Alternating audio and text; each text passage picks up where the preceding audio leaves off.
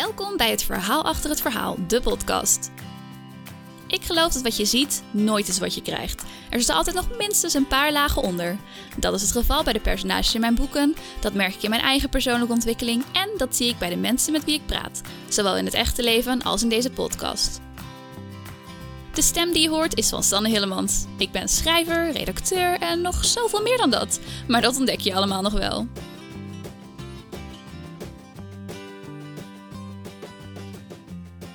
In deze podcast interview ik Nikki Pommer, die ik heb leren kennen via via en via social media.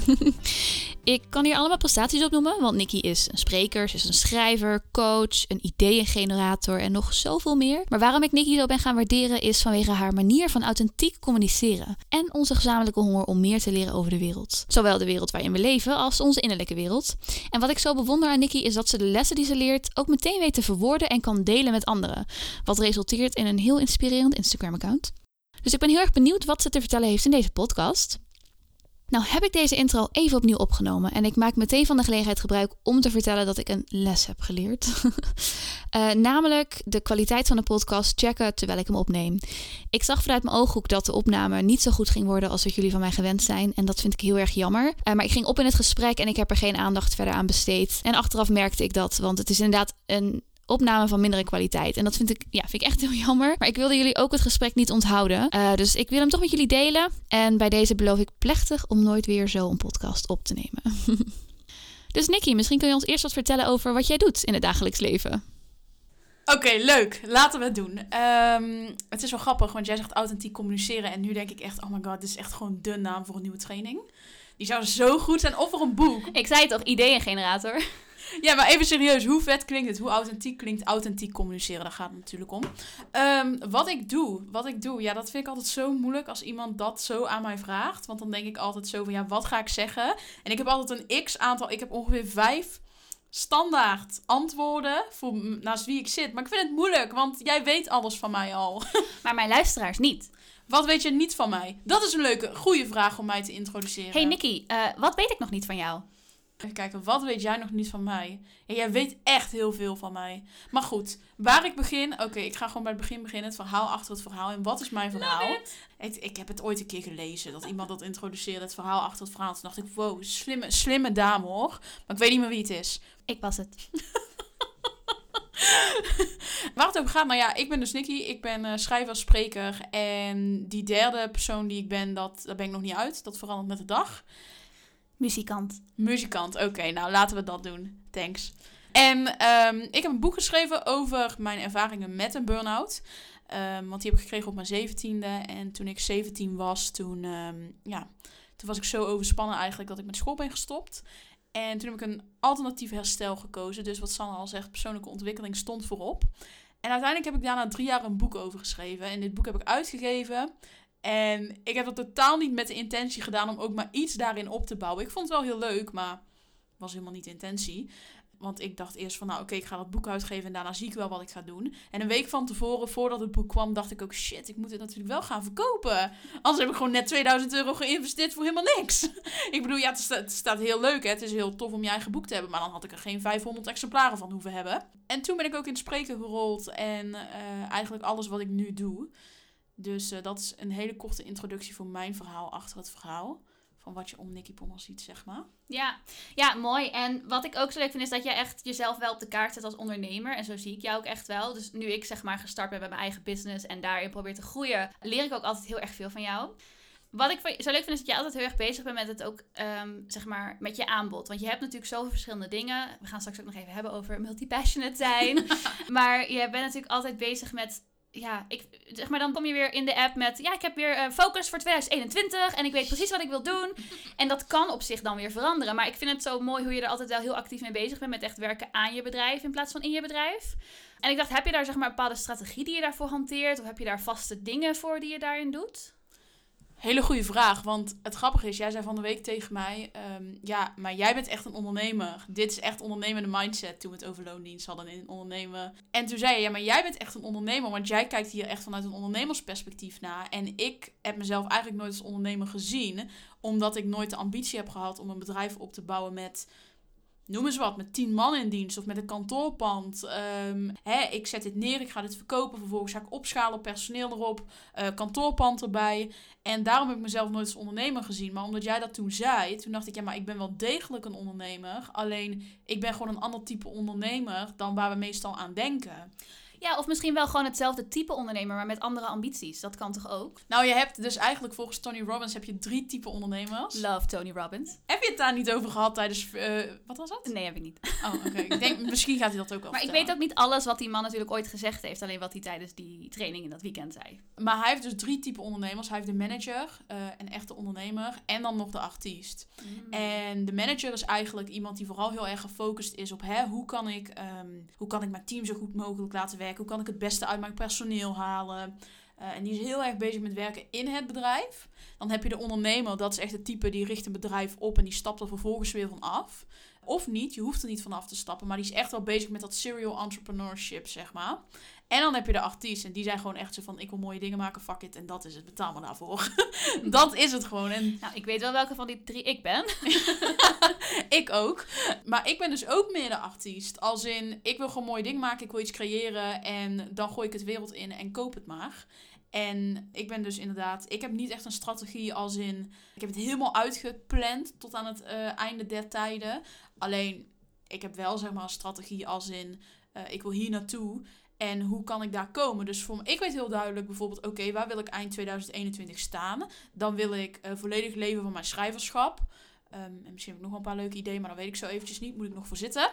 Um, en dan is het ondernemerschap voor mij meer een manier om dat te bereiken. Mhm. Als in, oké, wat kan ik dan doen als ondernemer? Wat ik en heel leuk vind en waarmee ik dikke doekoes verdien, om het zo maar te zeggen.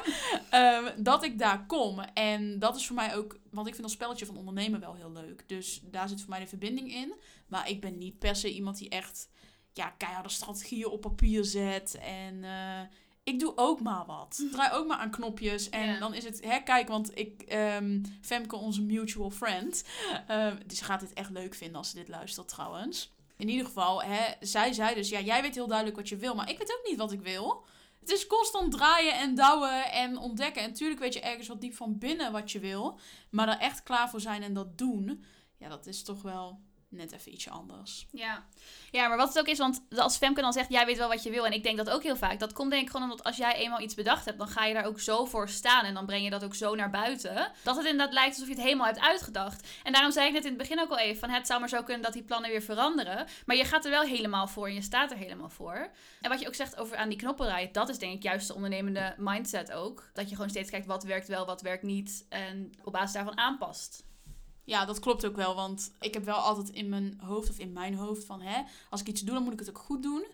Um, en ik ben wel iemand die vindt, je mag altijd voortijdig stoppen. Want het is gewoon heel belangrijk dat je kijkt naar, ja, wat vind ik nou leuk om te doen en wat niet. En ik ben echt, ik kan er echt niet tegen als mensen zeggen, ja, je moet iets afmaken, want je bent eraan begonnen. um, maar ik heb wel, als je het doet, doe het dan goed. Doe het niet halve bak, omdat je op die manier ook het beste kan ervaren of het iets voor je is. Dus dat is gewoon een super goede manier om te ontdekken. Ook als je denkt van ik weet niet wat ik wil of ik weet niet welke kant ik op wil. Ja, doe het gewoon. Doe gewoon iets. En dan kom je vanzelf wel in beweging. En je gaat vanzelf merken, net zoals dat ik bijvoorbeeld um, een aanbod heb waarvan ik denk, yes, dit is het. Hè? En dan denk je echt, wow, dit gooi ik helemaal vol trots de wereld in.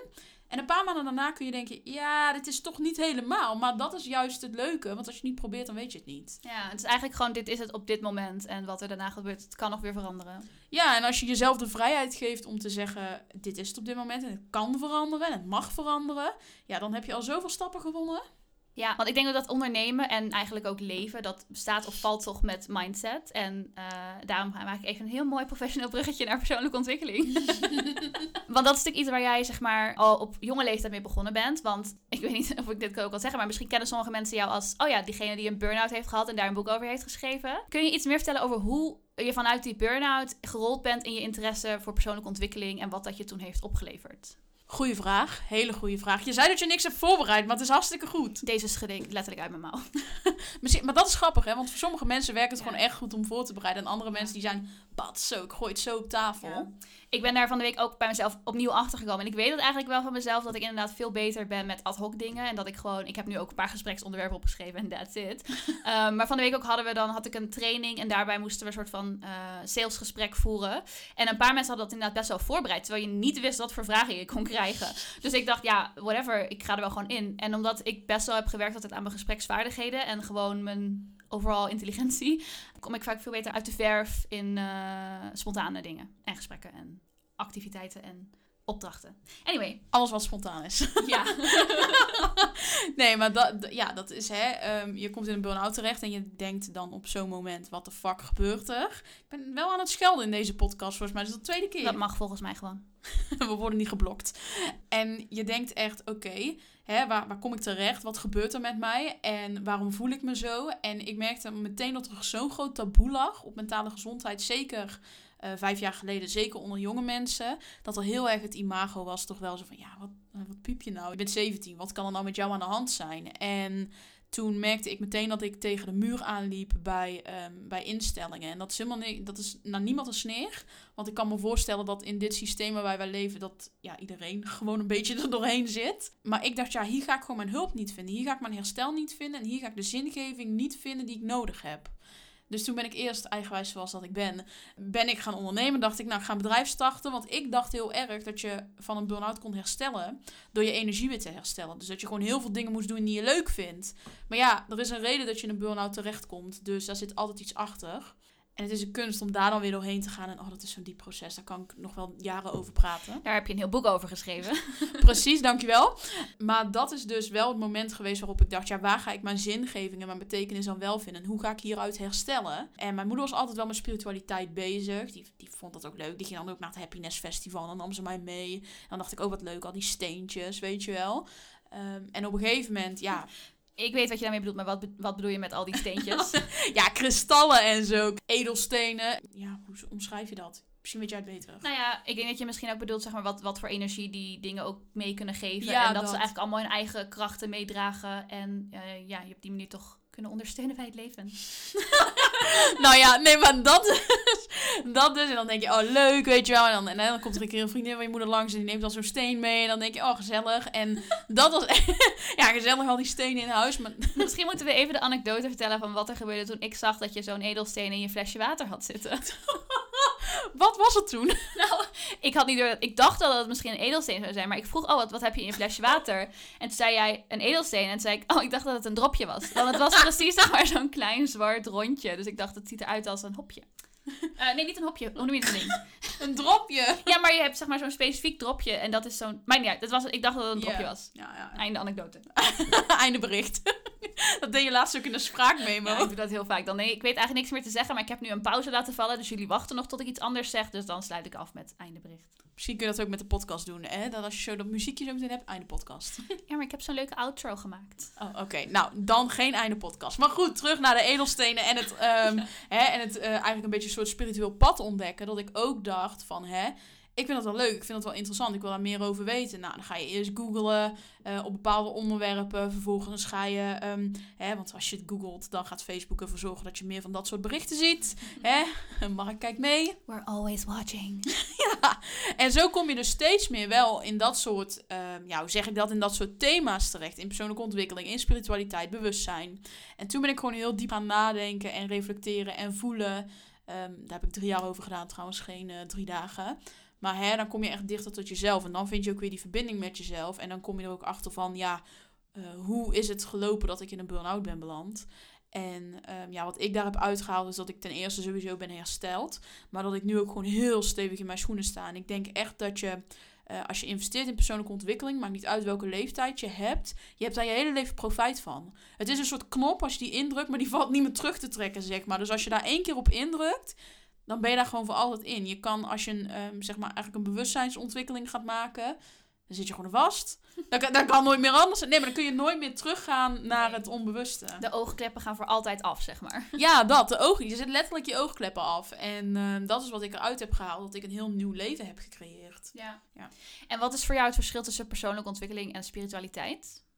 Hele goede vraag. Want ik denk ook wel eens na over hè, wat is nou het verschil tussen spiritualiteit en eh, persoonlijke ontwikkeling. Ja, dat vroeg ik. Ja, nee, maar dat denk ik, ja, nee, precies. Maar ik denk daar dus regelmatig over na, omdat ik allebei heel leuk vind.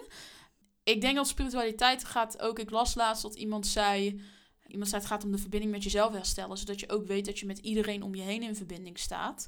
En toen dacht ik, ja, dat is eigenlijk wel heel mooi. Want vaak als je het woord spiritualiteit gebruikt, dan denken mensen, oh ja, en die zit elke ochtend met blote voeten in de tuin op een yogamat. En, hè, en die roept de volle maan op. En die, uh, ja, weet ik het. En die gaat um, gewaden aantrekken en die gaat zo naar de supermarkt. Nee, maar eigenlijk is spiritualiteit gewoon inderdaad weten dat je een verbinding met jezelf hebt. En dat je meer bent dan alleen een lichaam. Dus hè, hart, ziel en geest.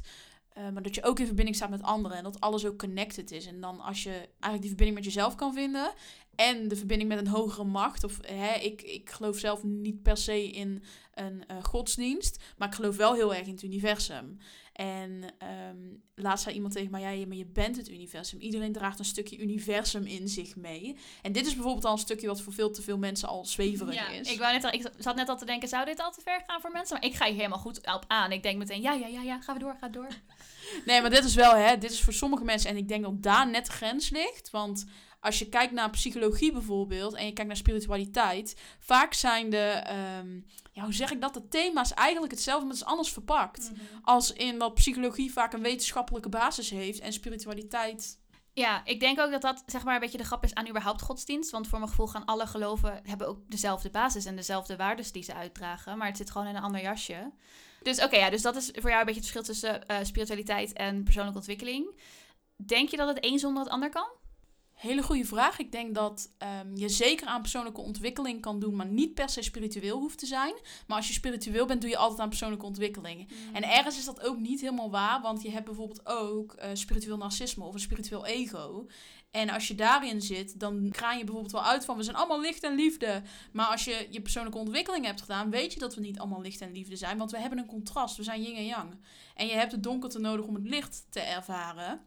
Um, en aan de andere kant ook weer, hè, als je persoonlijke ontwikkeling doet en als je het echt goed aanpakt, denk ik altijd wel dat je niet per se dat je neigt naar spiritualiteit, maar dat je er wel altijd voor open staat als in, hè, je bent, uh, laat ik het zo zeggen, stel je voor ik spreek twee vreemde mensen aan in de supermarkt. De een is bezig met persoonlijke ontwikkeling en de ander niet. Als ik dan zeg, oh ja, de volle maan komt eraan, hè, mijn energiegebrek, ja, dan zal die van uh, die niet bezig is met persoonlijke ontwikkeling, die zal zeggen: Zo, jij bent gek, ga, ja, ga weg.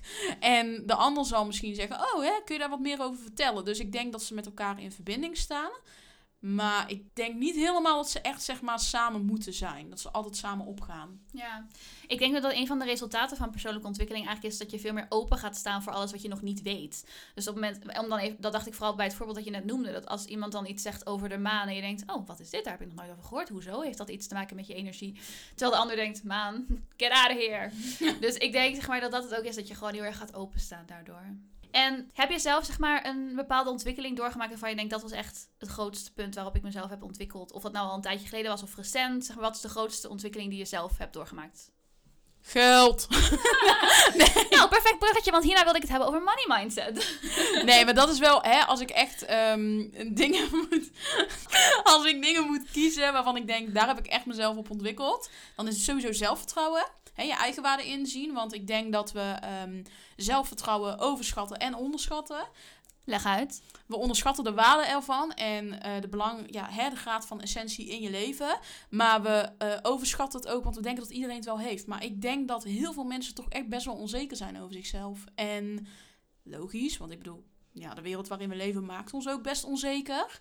Uh, maar als jij aan de slag gaat met beperkende overtuigingen, hè, dus in die mindset, dan kom je ook tegen dat je eigenlijk heel erg mensen pleest. Of dat je heel erg um, uh, ja, toch wel minder waardig over jezelf denkt. Of dat je jezelf als vanzelfsprekend ziet. Dus ik denk dat we, ja, dat we echt een gecompliceerde relatie met zelfvertrouwen hebben. En dat is iets wat ik de afgelopen jaren heel erg heb geleerd. Dus mijn zelfvertrouwen weer opbouwen. En geld. Maar ik geloof ook dat, uh, ja, dat zelfvertrouwen en geld heel erg met elkaar in verbinding staan. Ik kom zelf niet per se. Mijn ouders waren niet heel rijk, maar die waren ook niet arm. Nadat mijn ouders zijn gaan scheiden, heeft mijn moeder vooral de zorg op zich gehad. Maar die struggelde ook met een burn-out, met een depressie. En die had het ook heel pittig gehad. Dus op dat moment voelden wij wel die druk van geld. En toen ben ik er wel achter gekomen dat een, een laag inkomen dat hangt wel vaak samen met eh, een gebrek aan zelfvertrouwen. Ja, ik denk, ik wil, ik wil nooit niemand hiermee voor zijn hoofd stoten, want dit is altijd een gevoelig onderwerp. En als je zegt, hoezo, uh, zelfvertrouwen en geld. Maar als jij jezelf het gunt om meer te verdienen, dan ga je ook meer verdienen. Maar je kan jezelf dat pas gunnen op het moment dat je ook beter in je vel zit. Dus um, ja, geld en zelfvertrouwen. Ja, want je moet natuurlijk gewoon geloven dat je het waard bent. Dat is ook wel iets waar ik de laatste tijd, nou niet zozeer mee struggle, maar wel heel bewust van ben. Mhm. En dan haak ik meteen even aan op iets wat we er straks besproken toen ik hier net binnenkwam lopen. Want toen zei ik van ja, volgend jaar ga ik sowieso mijn prijzen omhoog gooien, want dan krijg ik minder opdrachten. En dan kan ik weer aan mijn eigen schrijfwerk zitten. en toen zei Nicky, uh, nee, zo werkt dit niet. Want um, je gaat juist je prijzen omhoog gooien en dan krijg je nog steeds net zoveel opdrachten. Zeg maar, kun je dat eens toelichten, wat, je toen, uh, wat er door je heen ging toen ik dat zei? Ja, het eerste wat ik dacht... Nu is het echt net alsof jij aankomt en ik de deur open doe. En dat jij het eerste wat je zegt... Money mindset. Ja. maar zo ging het dus niet. Alleen in ieder geval, hè, we waren in gesprek. En um, ik denk dat het inderdaad niet zo werkt. Als je met je money mindset bezig bent, dan geloof je er ook in dat de wereld overvloedig is. En dat er dus genoeg geld is voor iedereen. Dat er genoeg resources zijn voor iedereen. En dat er gewoon genoeg is. En er is in essentie is er ook genoeg voor iedereen. Alleen wij leven in een systeem dat verdeeldheid zaait. En dat is niet om af te geven op het systeem, want het zal ook ergens natuurlijk zijn functies hebben. Alleen um, het is wel gefocust op negativiteit, verdeeldheid. Hè, er is niet genoeg voor iedereen. Terwijl dat er wel is. En als je buiten die kaders gaat, zul je ook merken. Want ik bedoel, het is nu coronacrisis ik heb zelf, ik heb echt een tak van sport die daar keihard door geraakt wordt. Maar ik heb alsnog mijn omzet overtroffen en mijn winst overtroffen dit jaar. Dit was gewoon mijn beste ondernemersjaar 2020. En dat is dus omdat ik gewoon constant ben bezig geweest met die money mindset. En op het moment dat jij zegt, ik ga mijn prijzen verhogen, want ik ben het waard, zet je een stap richting die overvloed. En dan kan het dus zo zijn dat er ineens veel meer mensen op jouw pad komen. Maar dat er ook bijvoorbeeld klanten op je pad komen waarvan je echt denkt: wow, die betalen supergoed. Want jij zendt uit. Ik wil goed betaald worden en ik wil leuke klanten. En je krijgt dan automatisch, omdat je in die vibratie zit, trek je die mensen ook weer naar je toe. Dus die mensen die denken: hey, dat is Sanne, die is leuk. Nou, daar wil ik voor betalen. Dus ik heb, laat ik het zo zeggen, met elke keer dat ik mijn prijzen verhoog, kom ik steeds leukere klanten tegen. Ja. nee, ja, ik geloof er ook helemaal in. Alleen dit is inderdaad iets waar ik zelf ook nog wel een beetje aan het werken ben. Als in ik geloof het, maar ik moet het nog gaan voelen en gaan toepassen. Maar dat uh, eh, 2021 is ook een beetje het jaar van mijn money mindset, denk ik. Maar dat is sowieso, hè, money mindset is, um, geld is sowieso een beladen onderwerp. En um, ja, het is, het is heel leuk. Vaak weet je dingen als je het hoort, hè. Uh, Oké, oh ja, dat klinkt goed. Oh, daar ga ik van aan. Maar dan moet je het nog gewoon... Het duurt even voordat het echt valt op je onderste lagen, zeg maar. Dat je dat ook kan leven. Ja, en dat is ook zo, wat ik zo leuk vond aan het Tony Robbins weekend en wat ik daar geleerd had, is dat je kan dingen wel horen en denken, oh ja, ik snap het. Maar je begrijpt het pas echt als je het ja, doet en meemaakt en ervaart eigenlijk. Ik denk wat ook bij komt kijken bij zo'n money mindset en inderdaad geloven dat je het waard bent, is een stukje zichtbaarheid. Dus zichtbaar durven zijn en durven laten zien waar je voor staat en wat je doet. Hele open vraag, kun je maar stellen, wat is jouw visie op, op zichtbaarheid? Hele open vraag. Nou ja, ik zie jou en jij ziet mij. Nou, volgende vraag. nee, nee, zichtbaarheid is natuurlijk um, zeker ook. Hè, ik denk dat je zowel offline als online zichtbaar kan zijn. En offline bedoel ik vooral hè, dat als je in een ruimte bent, durf je daar te zijn. Of verstop je jezelf. Ik knik intens. Ik... fijn dat je dit even voor de luisteraars hebt toevoegt. Vinden ze heel fijn, weet ik zeker. Je bent een topmens. Dankjewel. en je hebt het natuurlijk over online zichtbaarheid. En dat gaat voor mij heel erg over het presenteren van jezelf aan de wereld. Dus hè, in hoeverre, want sommige mensen zijn bang om als schreeuwer over te komen. Van, oh ja, ik moet, hè, zal ik die post wel plaatsen? Ja, fuck it, iedereen moet verkopen. Je moet gewoon, hoe je het bent verkeerd. Kijk, je kan wel zeggen, ik hoef niet. Ik, ik, oh, daar, kan ik ook, daar ga ik heel slecht op, hè.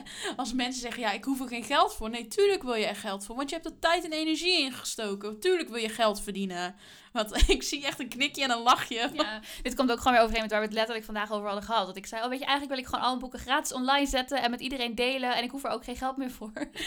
en ergens denk ik dat ook, want het enige wat ik echt wil is gewoon verbinden door middel van mijn verhalen. En dat mensen het lezen en dat ik dat met anderen kan delen. Maar ja, wat je nu zegt, denk ik ook weer, ja, ik heb natuurlijk inderdaad heel veel tijd en energie ingestoken. En ja, dat was allemaal heel erg leuk. Maar het is natuurlijk ook leuk als dat dan resultaat heeft op een andere manier dan alleen maar iedereen vindt het leuk wat ik heb geschreven.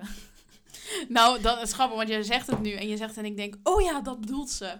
Ehm, maar dat is natuurlijk ook als je een boek schrijft hè, en je doet wat je het leukst vindt. Dus je vindt het prima om het te doen. Alleen het is ook leuk als je door dat boek nooit meer iets anders hoeft te doen. Dat je echt geen concessies meer hoeft te doen. Ik knik intens. dat je nergens meer concessies op hoeft te doen. Dat je ook kan zeggen, ik kan gewoon de hele dag schrijven. Of ik kan de hele dag met lezers praten. Of weet ik het, verzin wat. Wat je wil doen als je heel veel geld hebt. Schrijven. Dat dus. En daarom is het ook gewoon zo belangrijk dat je dus inderdaad met je money mindset bezig bent. Maar dat je ook zichtbaar durft te zijn. Dat je ook gewoon durft te zeggen, ik heb dit boek geschreven en jij moet het lezen, want dit en dit. En dat is niet altijd makkelijk, want als je zoveel van je ziel weggeeft, dan um, voelt het ook heel kwetsbaar. Dan wil je niet altijd zeggen, oh je moet dit lezen, want het is gewoon je ding. Dus je denkt, ja weet je, het is gewoon top. En wat jij er uiteindelijk mee doet, ja, dat moet je zelf weten. Maar het is wel belangrijk om zichtbaar te zijn en te kunnen zeggen: Dit is mijn boek en je moet het lezen. En waarom? Nou, dat zal ik je nu uitleggen. Of dat zal ik je in drie posts en tien stories uitleggen. Of weet ik veel, hè? Kies maar wat je wil kiezen. Maar zichtbaarheid is wel degelijk heel belangrijk voor je money mindset en voor je zelfvertrouwen. Mooie aansluiting. Vind ik ook. En heb jij, zeg maar, is er voor jou een grens tussen wat je wel bijvoorbeeld zou delen op Instagram en wat niet? Um, doe je veel echt met een doel of, of ook niet per se? Wat is een beetje jouw strategie en jouw uh, handboek daarin, je richtlijnen? Nou, ik heb een heel handboek opgesteld. Ik zal het zo meteen laten zien. Nee, wat voor mij heel belangrijk is, is dat ik gewoon deel wat ik leuk vind. Ik ben ook, ik, echt, ik vervloek mezelf daarvoor. Dat ik ook gewoon niet met de contentstrategie kan werken. Dan denk ik... Same girl, same. Ja, dan denk ik echt zo van, yes, nu ga ik het oppakken. En dan vervolgens pak ik het niet op. Waar voor mij de grens ligt, is in... Ik ben heel open. Ik ben echt een open boek. Um, maar ik kijk wel heel erg uit met wat kan ik delen, ook in verband met anderen. Want hè, ik kan gewoon niet alles delen. Um, want ja, hè, je, ja, je wil de anderen ook niet intrekken. Dan kun je het nog wel hè, vaag houden, om het zo maar te zeggen. Maar daar ligt een beetje mijn grens als in... Ehm, ja, ik ben heel open over mijn ervaringen, hoe ik over dingen denk. En dat maakt me ook eigenlijk allemaal niet zoveel uit. Omdat ik heel erg geloof van ja, we zijn allemaal mensen. En er is niks waar we ons voor hoeven schamen. Maar ik wil dat niet voor een ander kunnen beslissen. Want dat is aan iemand anders. En ja, waar ligt de grens ook? Ja, als ik geen zin heb om iets te delen, dan deel ik het niet. Ja, het is ja. Ja, nee, lijkt me een hele gezonde grens.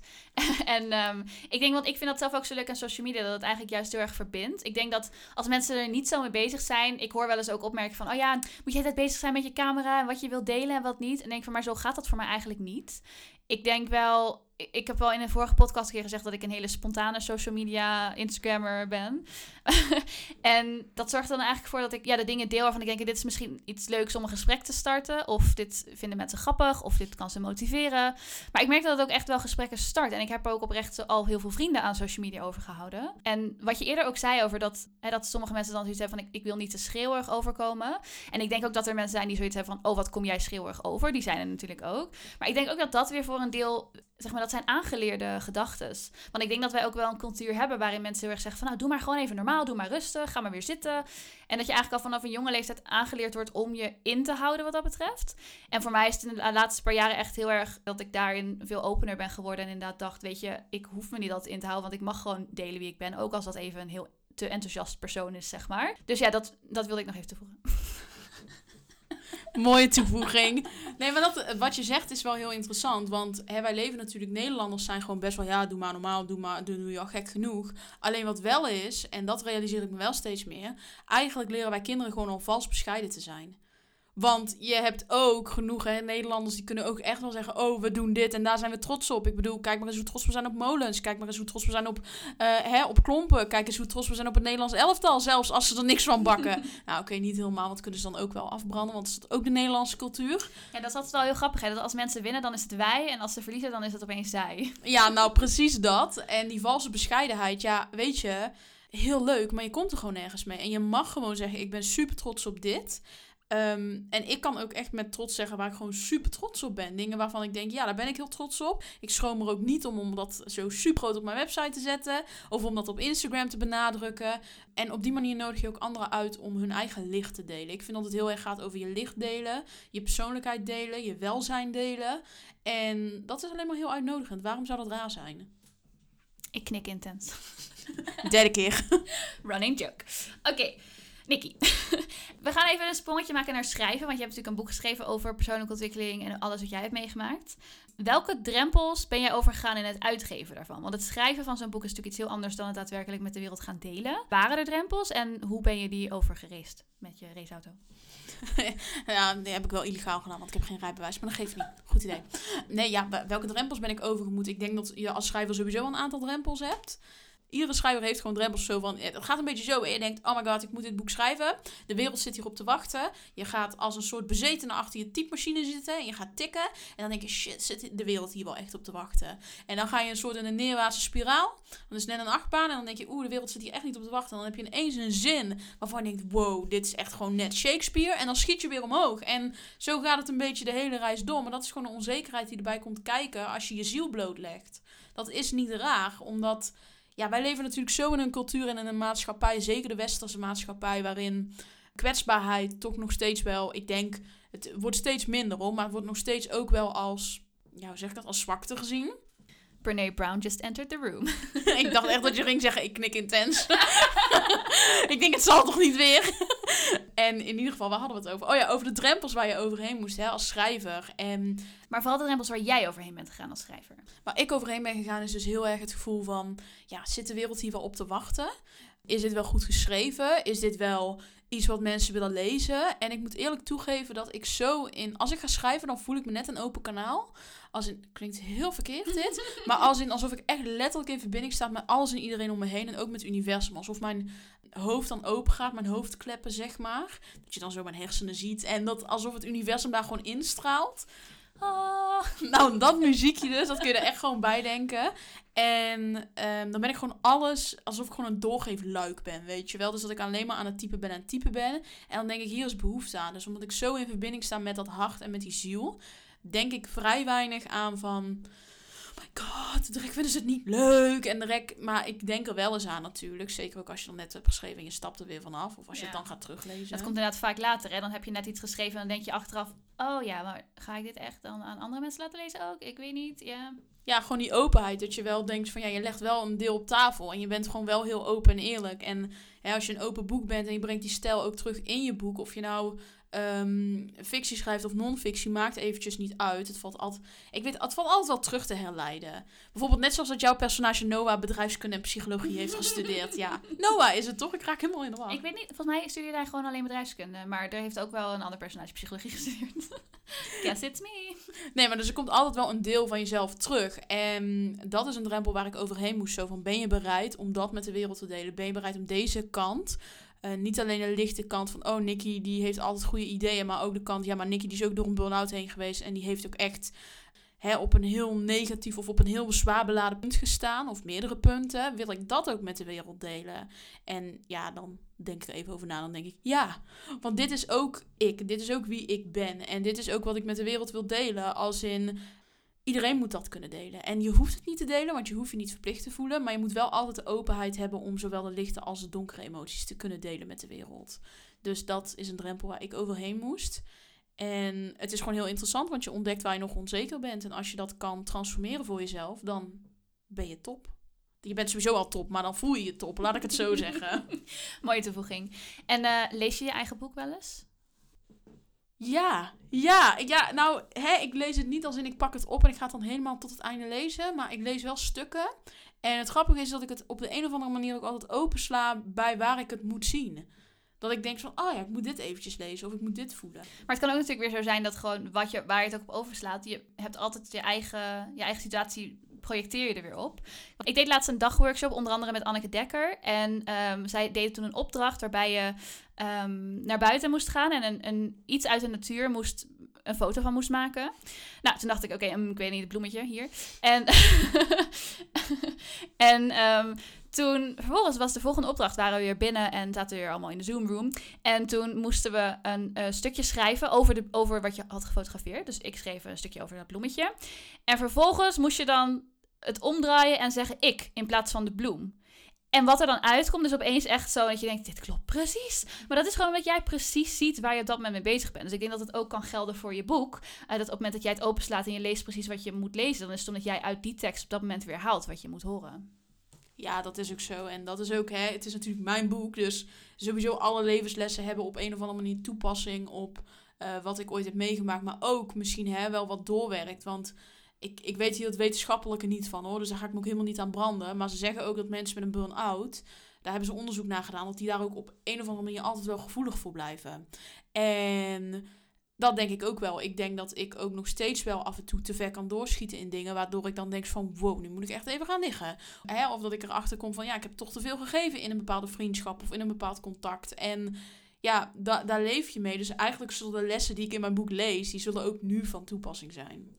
Ja, want het is ook niet, je kan nooit één ding leren en het dan voor altijd meteen goed doen. Het is altijd inderdaad ups en downs en dan vergeet je het weer even en dan denk je weer, oh ja, dit wist ik eigenlijk al, maar ik moet het weer opnieuw gaan toepassen. En dat blijft toch steeds weer terugkomen. Behalve misschien met fietsen, dat kun je waarschijnlijk wel gewoon doen. En... Dat kan je nu wel zeggen, maar ik was dus een half jaar in Indonesië en toen ik terugkwam was het oprecht even wennen om te fietsen. Om nog maar niet te spreken over de beenspieren die ik verloren was. ja, oké, nee, oké. Als je het zo zegt, hè, dan klopt het inderdaad. En ja, oké, okay, goeie. Nikki, Jij bent een van de uh, meest bekende multipassionates die ik ook ken. Kun je eens toelichten wat die term betekent en wat die voor jou betekent? Nu heb ik echt het gevoel alsof ik een BN'er ben, dus dankjewel voor het geven van die boost. You're welcome. Van mijn ego. Um, nou ja, multipassionate is eigenlijk heel simpel. Je hebt mensen die hebben één passie, die vinden één ding gewoon heel leuk om te doen. En je hebt mensen... Sorry, je bent een BM'er, een bekende multipassionate. Dit is zo flauw. maar oké, dus ik ben een BM'er. Um, en multipassionate betekent gewoon heel simpel iemand met meerdere passies. En ik denk dat in essentie misschien wel het grootste deel van de bevolking een multipassionate is. Alleen de ene die zal echt hebben, ik heb die drie of die vier of die vijf of die zes of misschien wel die twintig passies nodig om te floreren. En de ander zal zeggen, ja, maar als ik één passie gewoon uitvoer, ben ik tevreden. En er is eigenlijk nog zoveel bekend over het begrip multipassionate of ja, zoveel onbekend, hm. dat het eigenlijk nog vrij te interpreteren is. En dat het begrip eigenlijk nog heel veel vorm nodig heeft om echt het te maken in Wikipedia of in, zeg maar, de dikke vandalen. Ja, zo heet dat toch? Ja, zie je wel. Ik zei laatst ook tegen jou, ik ben een dikke vandalen niet. ja, oké, precies. Dus hè, er valt nog zoveel in te uh, interpreteren en nog zoveel over te leren. Uh, maar waar het om gaat, is dat je gewoon jezelf niet beperkt tot één hokje van één passie. Kern. En wat zijn jouw passies? Wil je alleen de zakelijke passies horen? Hè? Nee. Oké, dan nou, hè, zakelijk uh, sowieso schrijven, maar dat is ook persoonlijk. Spreken, uh, muziek maken. Als ik dit niet zeg, dan knuppel je me zo meteen echt. echt nadat we klaar zijn. Um, wat nog meer? Ja, ik, maar wat ik ook heel leuk vind, ondernemen vind ik ook heel leuk. Dat is ook echt wel een passie van mij aan het worden. Dat is echt een passie waar ik in moest groeien. Dus ondernemen. Ik vind koken heel leuk. Ik vind lezen heel leuk. Ik vind met jou en Femke afspreken heel leuk. Dat is ook echt mijn passie. Daar word ik heel gepassioneerd van. Um, ja, wat vind ik nog meer leuk? Uh, podcast maken. Ik, ik vind zoveel leuk dat ik daar eigenlijk geen pijl op kan trekken. Maar wat is dan het verschil tussen een passie en een hobby? Ik denk dat het verschil is tussen een passie en een hobby. Dat, ja, dat gaat, ja misschien, nee, misschien doe ik hier een hobby mee tekort. Oh, dat is een hele goede vraag. Ik wilde eerst zeggen, het verschil tussen een passie en een hobby is dat je zonder een hobby kunt. Mm. Maar toen dacht ik, ja, dat is, ik denk niet dat het helemaal de lading dekt. Misschien is het ook zo dat een hobby is vooral ook echt wel een, een tijdsverdrijf dat je leuk vindt. En een passie is misschien meer een tijdschrift dat je heel erg leuk vindt. ik weet het niet. Nee, maar zie je, dus de lijn daarin is best wel moeilijk te trekken. Ehm, dus ik zou het ook echt. Ik, dit is nou echt de eerste vraag waarvan ik weet. Dat weet ik niet. Dat weet ik niet te beantwoorden. Nou, dat mag. Heel eerlijk dat je dat gewoon toegeeft. En want de vraag waar ik eigenlijk heen wil is: hoe combineer je dat? Als je meerdere passies hebt, um, hoe combineer je dat dan in je leven? Ik denk dat het heel goed is om eerst eens te kijken met hoeveel passies floreer je. Dus ik weet bijvoorbeeld voor mezelf heel goed, ik mag maar drie dingen zakelijk doen. Want als ik er meer doe, als ik het probeer, ook als ik het maar ergens probeer in te proppen, als ik ook maar tegen mezelf vertel, je gaat het maar een uurtje per week doen, gaat mis. Dus ik weet die drie, hè, dan, en dan kun je misschien zeggen, hey, plaats jezelf in een hokje. Nee, ik weet dit vanuit ervaring dat dit op dit moment niet werkt. En misschien is het in de toekomst anders, hè. Maar voor mij is dat op dit moment schrijven, hè, dus mijn eigen boeken schrijven, uh, spreken, lezingen geven, trainingen geven en podcast maken. Dat zijn de drie dingen waarvan ik weet, oké, daarop floreer ik. That's it. Hè? Simpel houden. En um, ja, waar ga ik... Ik ga heel goed op... Um, ja, zeg maar, erkennen voor mezelf waar wil ik de meeste tijd aan besteden. Dus dat je dat ook weer matcht met je lange termijn doelen. Als in, Ehm, ik wil volledig leven van mijn schrijverschap. Eigenlijk deed ik dat al, maar toen kwam ineens een rare C om de hoek en die verpestte de hele wereld. En toen werd dat eventjes dus anders, maar dat geeft ook helemaal niet. Alleen ik wil daar in 2021 wil ik daar wel weer naartoe. En daar deel ik mijn week op in, dus dat ik weet van oké, er moet uh, geld binnenkomen. Wat verdien ik met wat ik doe? Met welke passies verdien ik het meest? Maar vind ik dat ook het leukst om te doen. Dus het is heel belangrijk om constant te kijken naar je lange termijn planning. Als in waar wil ik heen. En je hoeft echt niet elke dag tot het einde van het jaar uitgestippeld te hebben. Maar hè, dat je een soort stippen aan de horizon gaat zetten. En vervolgens, ja, oké, hoe krijg ik dat in een week? Ja, hoe krijg ik dat in een week? Want uiteindelijk hebben we allemaal maar een x aantal uren in de week. Ik vind mijn vrije tijd ook heel belangrijk. Uh, ik vind flexibiliteit heel belangrijk. Ik wil niet te veel mensen zien in een week tijd. Of niet per se dat ik ze niet wil zien, maar ik ben wel introvert qua karakter. Dus ik weet ook dat als ik echt productief wil werken aan die lange termijn doelen, met combinatie van alle dingen die ik leuk vind, ja, dan krijgen mensen echt maar een, echt een dagdeel. Hè? Zo van, dan kun je mij bellen of bereiken. Bedankt dat ik uh, hier aanwezig mocht zijn vandaag. Nee, maar jij, jij zit zeg maar zo in mijn inner circle dat ik jou altijd kan hebben. Ik zou jou nog kunnen hebben al als ik s'morgens omdraai en je staat ineens in mijn kamer of zo. Van hoi. hey, ik kom op bezoek. Zou ik heel leuk vinden trouwens, hint. Maar, um, hè, dus, dus dat is um, constant kijken zo van, ja, hoe wil ik mijn leven inrichten? Waar wil ik de meeste tijd aan besteden? En voor mij is dat mijn passies, want ik word daar vrolijk van. En dat is voor mij het belangrijkste. Dus ik kan nu wel heel veel productiviteitstips gaan geven. Bijvoorbeeld met themadagen werken of hè, eh, je notificaties uitzetten. Werkt allemaal, maar de kern is: kijk naar wat je leuk vindt en doe dat. Ja. Ja, want mijn volgende vraag zou dan eigenlijk zijn: stel er komt hier nu iemand binnen en die zegt: Hallo, ik ben multipassionate. Um, moet ik me richten op één passie of kan ik het gaan combineren? Wanneer zou je dan bijvoorbeeld tegen iemand aanraden van: Hey, um, misschien kan je beter richten op één ding nu? En wanneer zou je zeggen: Weet je wat, je kan combineren? Kun je altijd combineren? Ja, hele goede vraag. Ik denk dat dat verschilt per persoon. Want de ene persoon die... Um, je hebt verschillende soorten multipassionates. Hè? Ik weet niet, ik ga even hinten naar dit boek. Hoe word je alles van Emily Wapnick? En zij zegt dus, je hebt verschillende soorten multipassionates. Dus je hebt multipassionates die echt moeten zeggen: ik doe maar één ding, ik floreer daarin en dan ben ik er klaar mee. Maar je hebt ook multipassionates die zeggen: ja, fuck it, ik wil meteen alles. Gooi 15 dingen naar me toe en dat vind ik fantastisch om te schakelen tussen die dingen. Dus het is ook heel afhankelijk wat voor persoonlijkheidstype je hebt. Ben jij iemand die uh, graag schakelt op een dag, of ben je bijvoorbeeld iemand die graag in blokken werkt? Dus hè, ik ben echt een blokwerker. Maar wat, wat, hoe zeg je dan, wat is dan voor jou het verschil tussen blokwerken en schakelen? Dus dat je met blokken dat je echt zegt, oké, ik ga nu de hele ochtend dit doen en dan de hele middag dit. En met schakelen is dan meer van, ik wissel het gewoon lekker de hele tijd af? Of? Nou, bijvoorbeeld, en dit hoeft op de, zeg maar, want dit gaat echt over de, hè, over de dagelijkse termijn. En het hoeft niet in, de lange, met, um, in verbinding te staan met de lange termijn. Maar ik ben bijvoorbeeld iemand, als ik schrijfwerk inplan, bijvoorbeeld voor een ochtend, dan wil ik de hele ochtend niet gestoord worden. Dus dan ga ik pas middags na bijvoorbeeld twee uur, mogen mensen mij bellen of hè. Ik zeg dat niet overigens altijd zo, maar dan komen ze er toch wel achter dat ik niet bereikbaar ben. Dat vind ik zo knap en zo irritant aan jou trouwens, die bereikbaarheid. Want ik heb soms dat ik denk, reageer nou even over mijn berichtjes. Maar dan tegelijkertijd denk ik, waarom ben ik altijd zo fucking bereikbaar?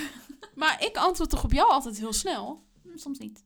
Oh nee, ik had van de week echt twee dagen. En toen dacht ik, shit, ik moet Sanne nog beantwoorden. En dan soms ook, dan reageer je wel in de groepschat, maar niet in de individuele. Omdat je denkt, dat hou ik nog even on hold, zeg maar. en dat is prima, want ik, ik heb daar echt heel veel respect voor. Ik wil dat heel graag zelf meer doen. Want je hoeft niet altijd bereikbaar te zijn en je hoeft niet altijd aan te staan. En ik ben ook helemaal voor, weet je, ik, zet ik heb ook mijn notificaties uitstaan. Maar goed, ik check dan wel de hele dag mijn telefoon. Dus, maar ik wil daar zelf heel erg van af. Dus elke keer als ik dat dan denk van, nee, dat is juist knap dat ze dat doet. Maar ondertussen denk ik van, mm, reageer nou. Sorry, maar het is zo grappig. Dat ik echt in mijn hoofd heb. Hè, dat is sowieso leuk. Dat jij mij um, echt een spiegel voorhoudt van hoe ik ben. In plaats van hoe ik denk dat ik ben. Want ik heb bijvoorbeeld ook dan. Um, gisteren ook bijvoorbeeld. Dan zitten wij in de groepschat natuurlijk. En dan heb ik net even een anderhalf uur geslapen. Ik wil een half uurtje zeggen, maar dat was het niet. Het was een intensieve winterslaap. En dit deed ze dus om iets van zeven uur s'avonds. Dus ik, ik was helemaal verbaasd. Want ik kan dan s'avonds niet meer slapen. Maar om half elf was dan niet meer te bereiken. Ja, maar... ja, dat was zo grappig, want jij had me dus om half elf geappt. En ik wist, toen ik het las vanochtend, toen dacht ik echt... Oh, ik ga hier zo nog een opmerking over krijgen van hoe kan het dat jij van zes tot half acht slaapt... en dan gewoon om half elf niet meer, niet meer bereikbaar bent. En hier was hij, de opmerking. Hij is nog lang uitgebleven trouwens. Maar geef niet waar we naartoe gingen. Waar gingen we eigenlijk naartoe? Oh ja, dat jij mij beter kent, maar er zit nog iets achter. Maar dat jij mij beter kent dan dat ik mezelf af en toe ken.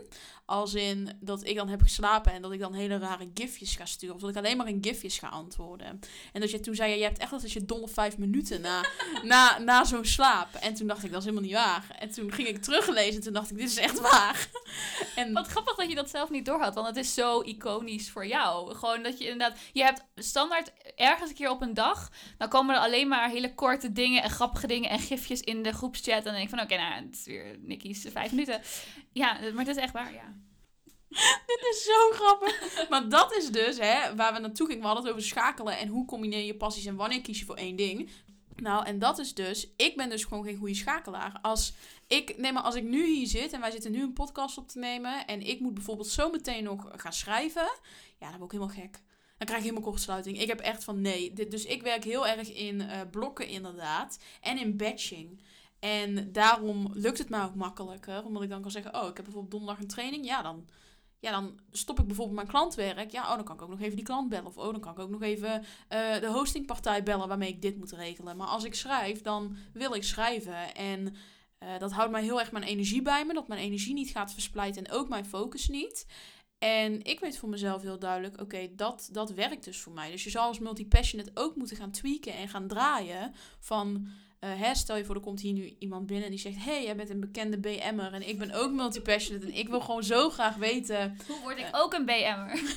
Nou, dat dus. Kijk, dan kan het zijn... de een die zal zeggen, ja, weet je, ik kan het gewoon niet combineren. Ik, kan, ik, ik heb dat niet in mijn hoofd zitten. Ik kan die twee dingen met elkaar combineren. De andere multipassionate zal zeggen, ja, ik heb het nodig.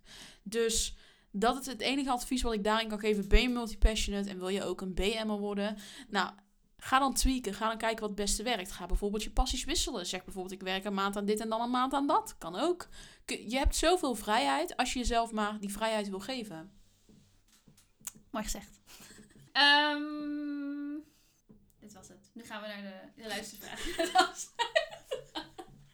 nou, volgens mij hebben we al heel veel eh, wijsheid kwijt, eh, kwijt kunnen raken in deze podcast. Ehm, dus bedankt Nicky voor je wijsheid. Oké, nou, we zijn bijna aan het einde van deze podcast gekomen. Maar voordat we daar aan toe komen, is het natuurlijk nog tijd voor de luistervraag. Want eh, elke week beantwoord ik graag een vraag van een van jullie. En als je een vraag hebt, mag je hem ook naar me insturen via social media. Je kan op een van de posts reageren of me gewoon een bericht sturen. En dan noteer ik hem voor eventuele volgende podcast. En de vraag van deze week is een vraag van Ellen. En die vroeg, ga je een podcast met Nicky doen? Ellen, het antwoord is ja. en eh, twee zelfs, want ik ben ook de gast bij Nicky's podcast. Dus eh, volg eh, me op social media om erachter te komen. En eh Nicky, als mensen nou meer over jou willen weten of graag je fantastische boek willen kopen, waar vinden ze jou? In Prinsenbeek. Nou, het lijkt me duidelijk. Ik eh, zou zeggen, fijne ochtend, avond, middag. En op Instagram. Oh, oh. Oh, nu komt de aap uit de mouw. We gaan toch nog even... Ik had echt verwacht tot ik denk... Ik ga hier weer grappig lopen doen. En jij gaat dan toch wel denken... Ja, nu ben ik er klaar mee. En, en dat was ook wat je dacht. Want... We moeten allemaal onze eigen grenzen stellen. Nee, maar dat is wel heel goed. Maar in ieder geval, je vindt mij dus eigenlijk overal online onder de naam Nikki Pommer. Dat is trouwens Nikki met N-I-K-K-I. Niet met N-I-K-K-I-E. Want zo ben ik deze week alweer drie keer genoemd. En nu ben ik er klaar mee. Nicky zonder E. Oftewel Nikster. Of C. Of Nixel. Of ehm C-Nick. Of Pommelmans. Po-. Je had... Dat was onze combinatie Nee, van je had. Hillermans. Nee, Nee, dat, dat is kan- mijn naam. Het is gewoon mijn naam met een R. Maar je mag je R best in mijn naam kwijt hoor. Dan, eh. Maar goed, eh Nicky Pommer dus. NickyPommer.nl. Op Instagram Nicky Pommer. eh, Ik, ben vaak ook, ik doe vaak ook een cameo bij jou dus. Ja, zoek maar gewoon even. en Nicky heeft zelf ook een podcast. En dat heet Succesvol Falen.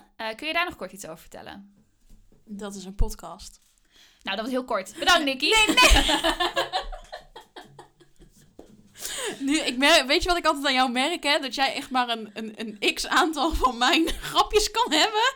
Als in, oké, nu ben ik er klaar mee, nu gaan we gewoon door. Maar kijk, het is zeg maar eigenlijk gewoon dat ik het dan heel grappig vind om door te gaan. Dus ik maak een vervolggrapje. Oh, dus eigenlijk zitten we nog in de grap. We zitten in de grap. Ja, het Oh, is net wauw. als de Matrix dit. Je hebt het niet door, maar we zitten er nog in. Dat is echt heel fijn dat ik dan toch nog, hè, dat je me helemaal niet beu bent, maar dat we gewoon nog in de grap zitten. We Ehm, zitten eigenlijk altijd in de grap. Maar ja, luister dus de podcast. Sowieso het verhaal achter het verhaal. Want die is aan het Want dat is Sanne Hillermans. En dan heb je nog Succesvol Falen, de podcast, waar ik Sanne ook voor ga interviewen. Dus nu heeft Sanne natuurlijk alleen maar naar mij zitten luisteren. Maar als je nog meer over Sanne wil weten, in interviewvorm, dan kun je dus mijn podcast luisteren. Misschien kan je vast een tipje van de sluier oplichten wat voor onderwerpen we gaan bespreken of welke vragen ik ga krijgen. Nou, vragen doe ik niet, want jij hebt mij ook niks gezegd. Dus je krijgt geen vragen. Maar wat je wel krijgt, is de drie thema's waar we het over gaan hebben. En dat is schrijven, boeken uitgeven en creativiteit. Dankjewel. En dit was de podcast met Nikki Pommer. Wil je meer over haar leren? Zoek haar dan even ergens op. En bedankt voor het luisteren. Moet ik ook nog wel zeggen? Oh. Wat ontzettend leuk dat je hebt geluisterd naar deze aflevering van Het Verhaal achter het Verhaal. Vond je deze podcast leuk of interessant? Dan wil je het misschien aanraden aan een vriend, vriendin, collega, familielid, wie dan ook. Maar voordat je dat doet, ik ben ervan overtuigd dat we mensen niet moeten aanraden wat wij leuk vinden, maar wat we denken dat zij leuk vinden. Dus vertel ze er alleen over als je iemand kent die mijn podcast misschien ook leuk zou vinden. Als je een minuut de tijd zou willen nemen om een review achter te laten op het platform waarop jij nu luistert, ben ik je erg dankbaar. En zoek me vooral even op op social media om me te vertellen wat je van deze podcast vond. Ik heet overal hetzelfde, Sanne Hillemans. Heel erg bedankt voor het luisteren en tot het volgende verhaal.